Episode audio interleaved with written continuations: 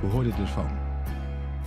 Met dat wij thuiskomen bij God mogen leven van Zijn genade, komt Hij bij ons onder dak.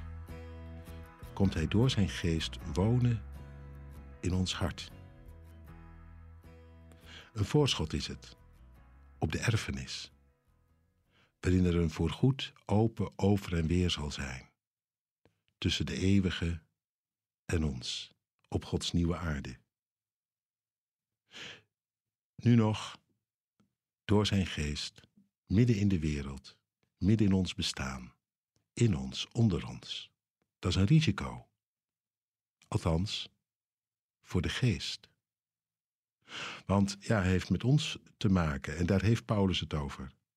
Over dat, over dat risico wat de geest daarin loopt.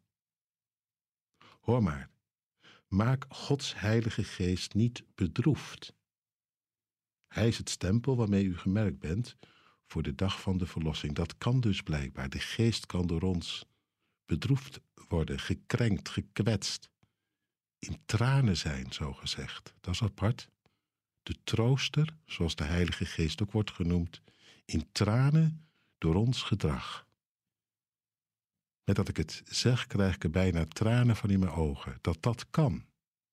De geest die alle moeite heeft gedaan om ons in te winnen, om ons erbij te halen, die met veel geduld bezig is om ons in denken en doen te vernieuwen, die helemaal tot onze beschikking staat, zo gezegd, een voorschot op de erfenis, Gods gave, waardoorheen Hij nu al het een en ander wil vernieuwen in ons bestaan, ons nabij wil komen in ons verdriet, ons wil opbeuren in onze pijn. En dat wij die dan, die geest, bedroeven, verdriet doen, tranen bezorgen. Zijn liefde beantwoorden met zo'n gedrag dat het om te huilen is. Dit lijkt me wel iets om vandaag eens rustig over na te denken. Of het jou zou kunnen gelden deze vermaning. Je zegt maar hoezo dan? Nou, dat is toch zo ingewikkeld niet om dat te bedenken. Alles wat niet strookt met de geest van God, alles wat uit de boze is of zomaar uit de losse pols zou je kunnen zeggen, wat opkomt in je hart en wat je laat regeren laat heersen. Dat, dat bedroeft de geest. Daar krijgt hij tranen van in de ogen. Daar kan hij niet mee leven.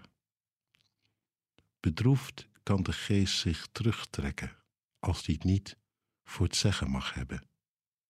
Als wij zelf de toon aan blijven geven ons niet laten storen, niet laten onderbreken, niet laten eh, meenemen in dat wat de geest met ons voor heeft. Gods geest, de geest van Christus. Het kwade, het toch wind van het goede. De boze ons op sleeptouw eh, neemt, in plaats dat wij wandelen in en door de geest. Ik ga het verder niet uitleggen.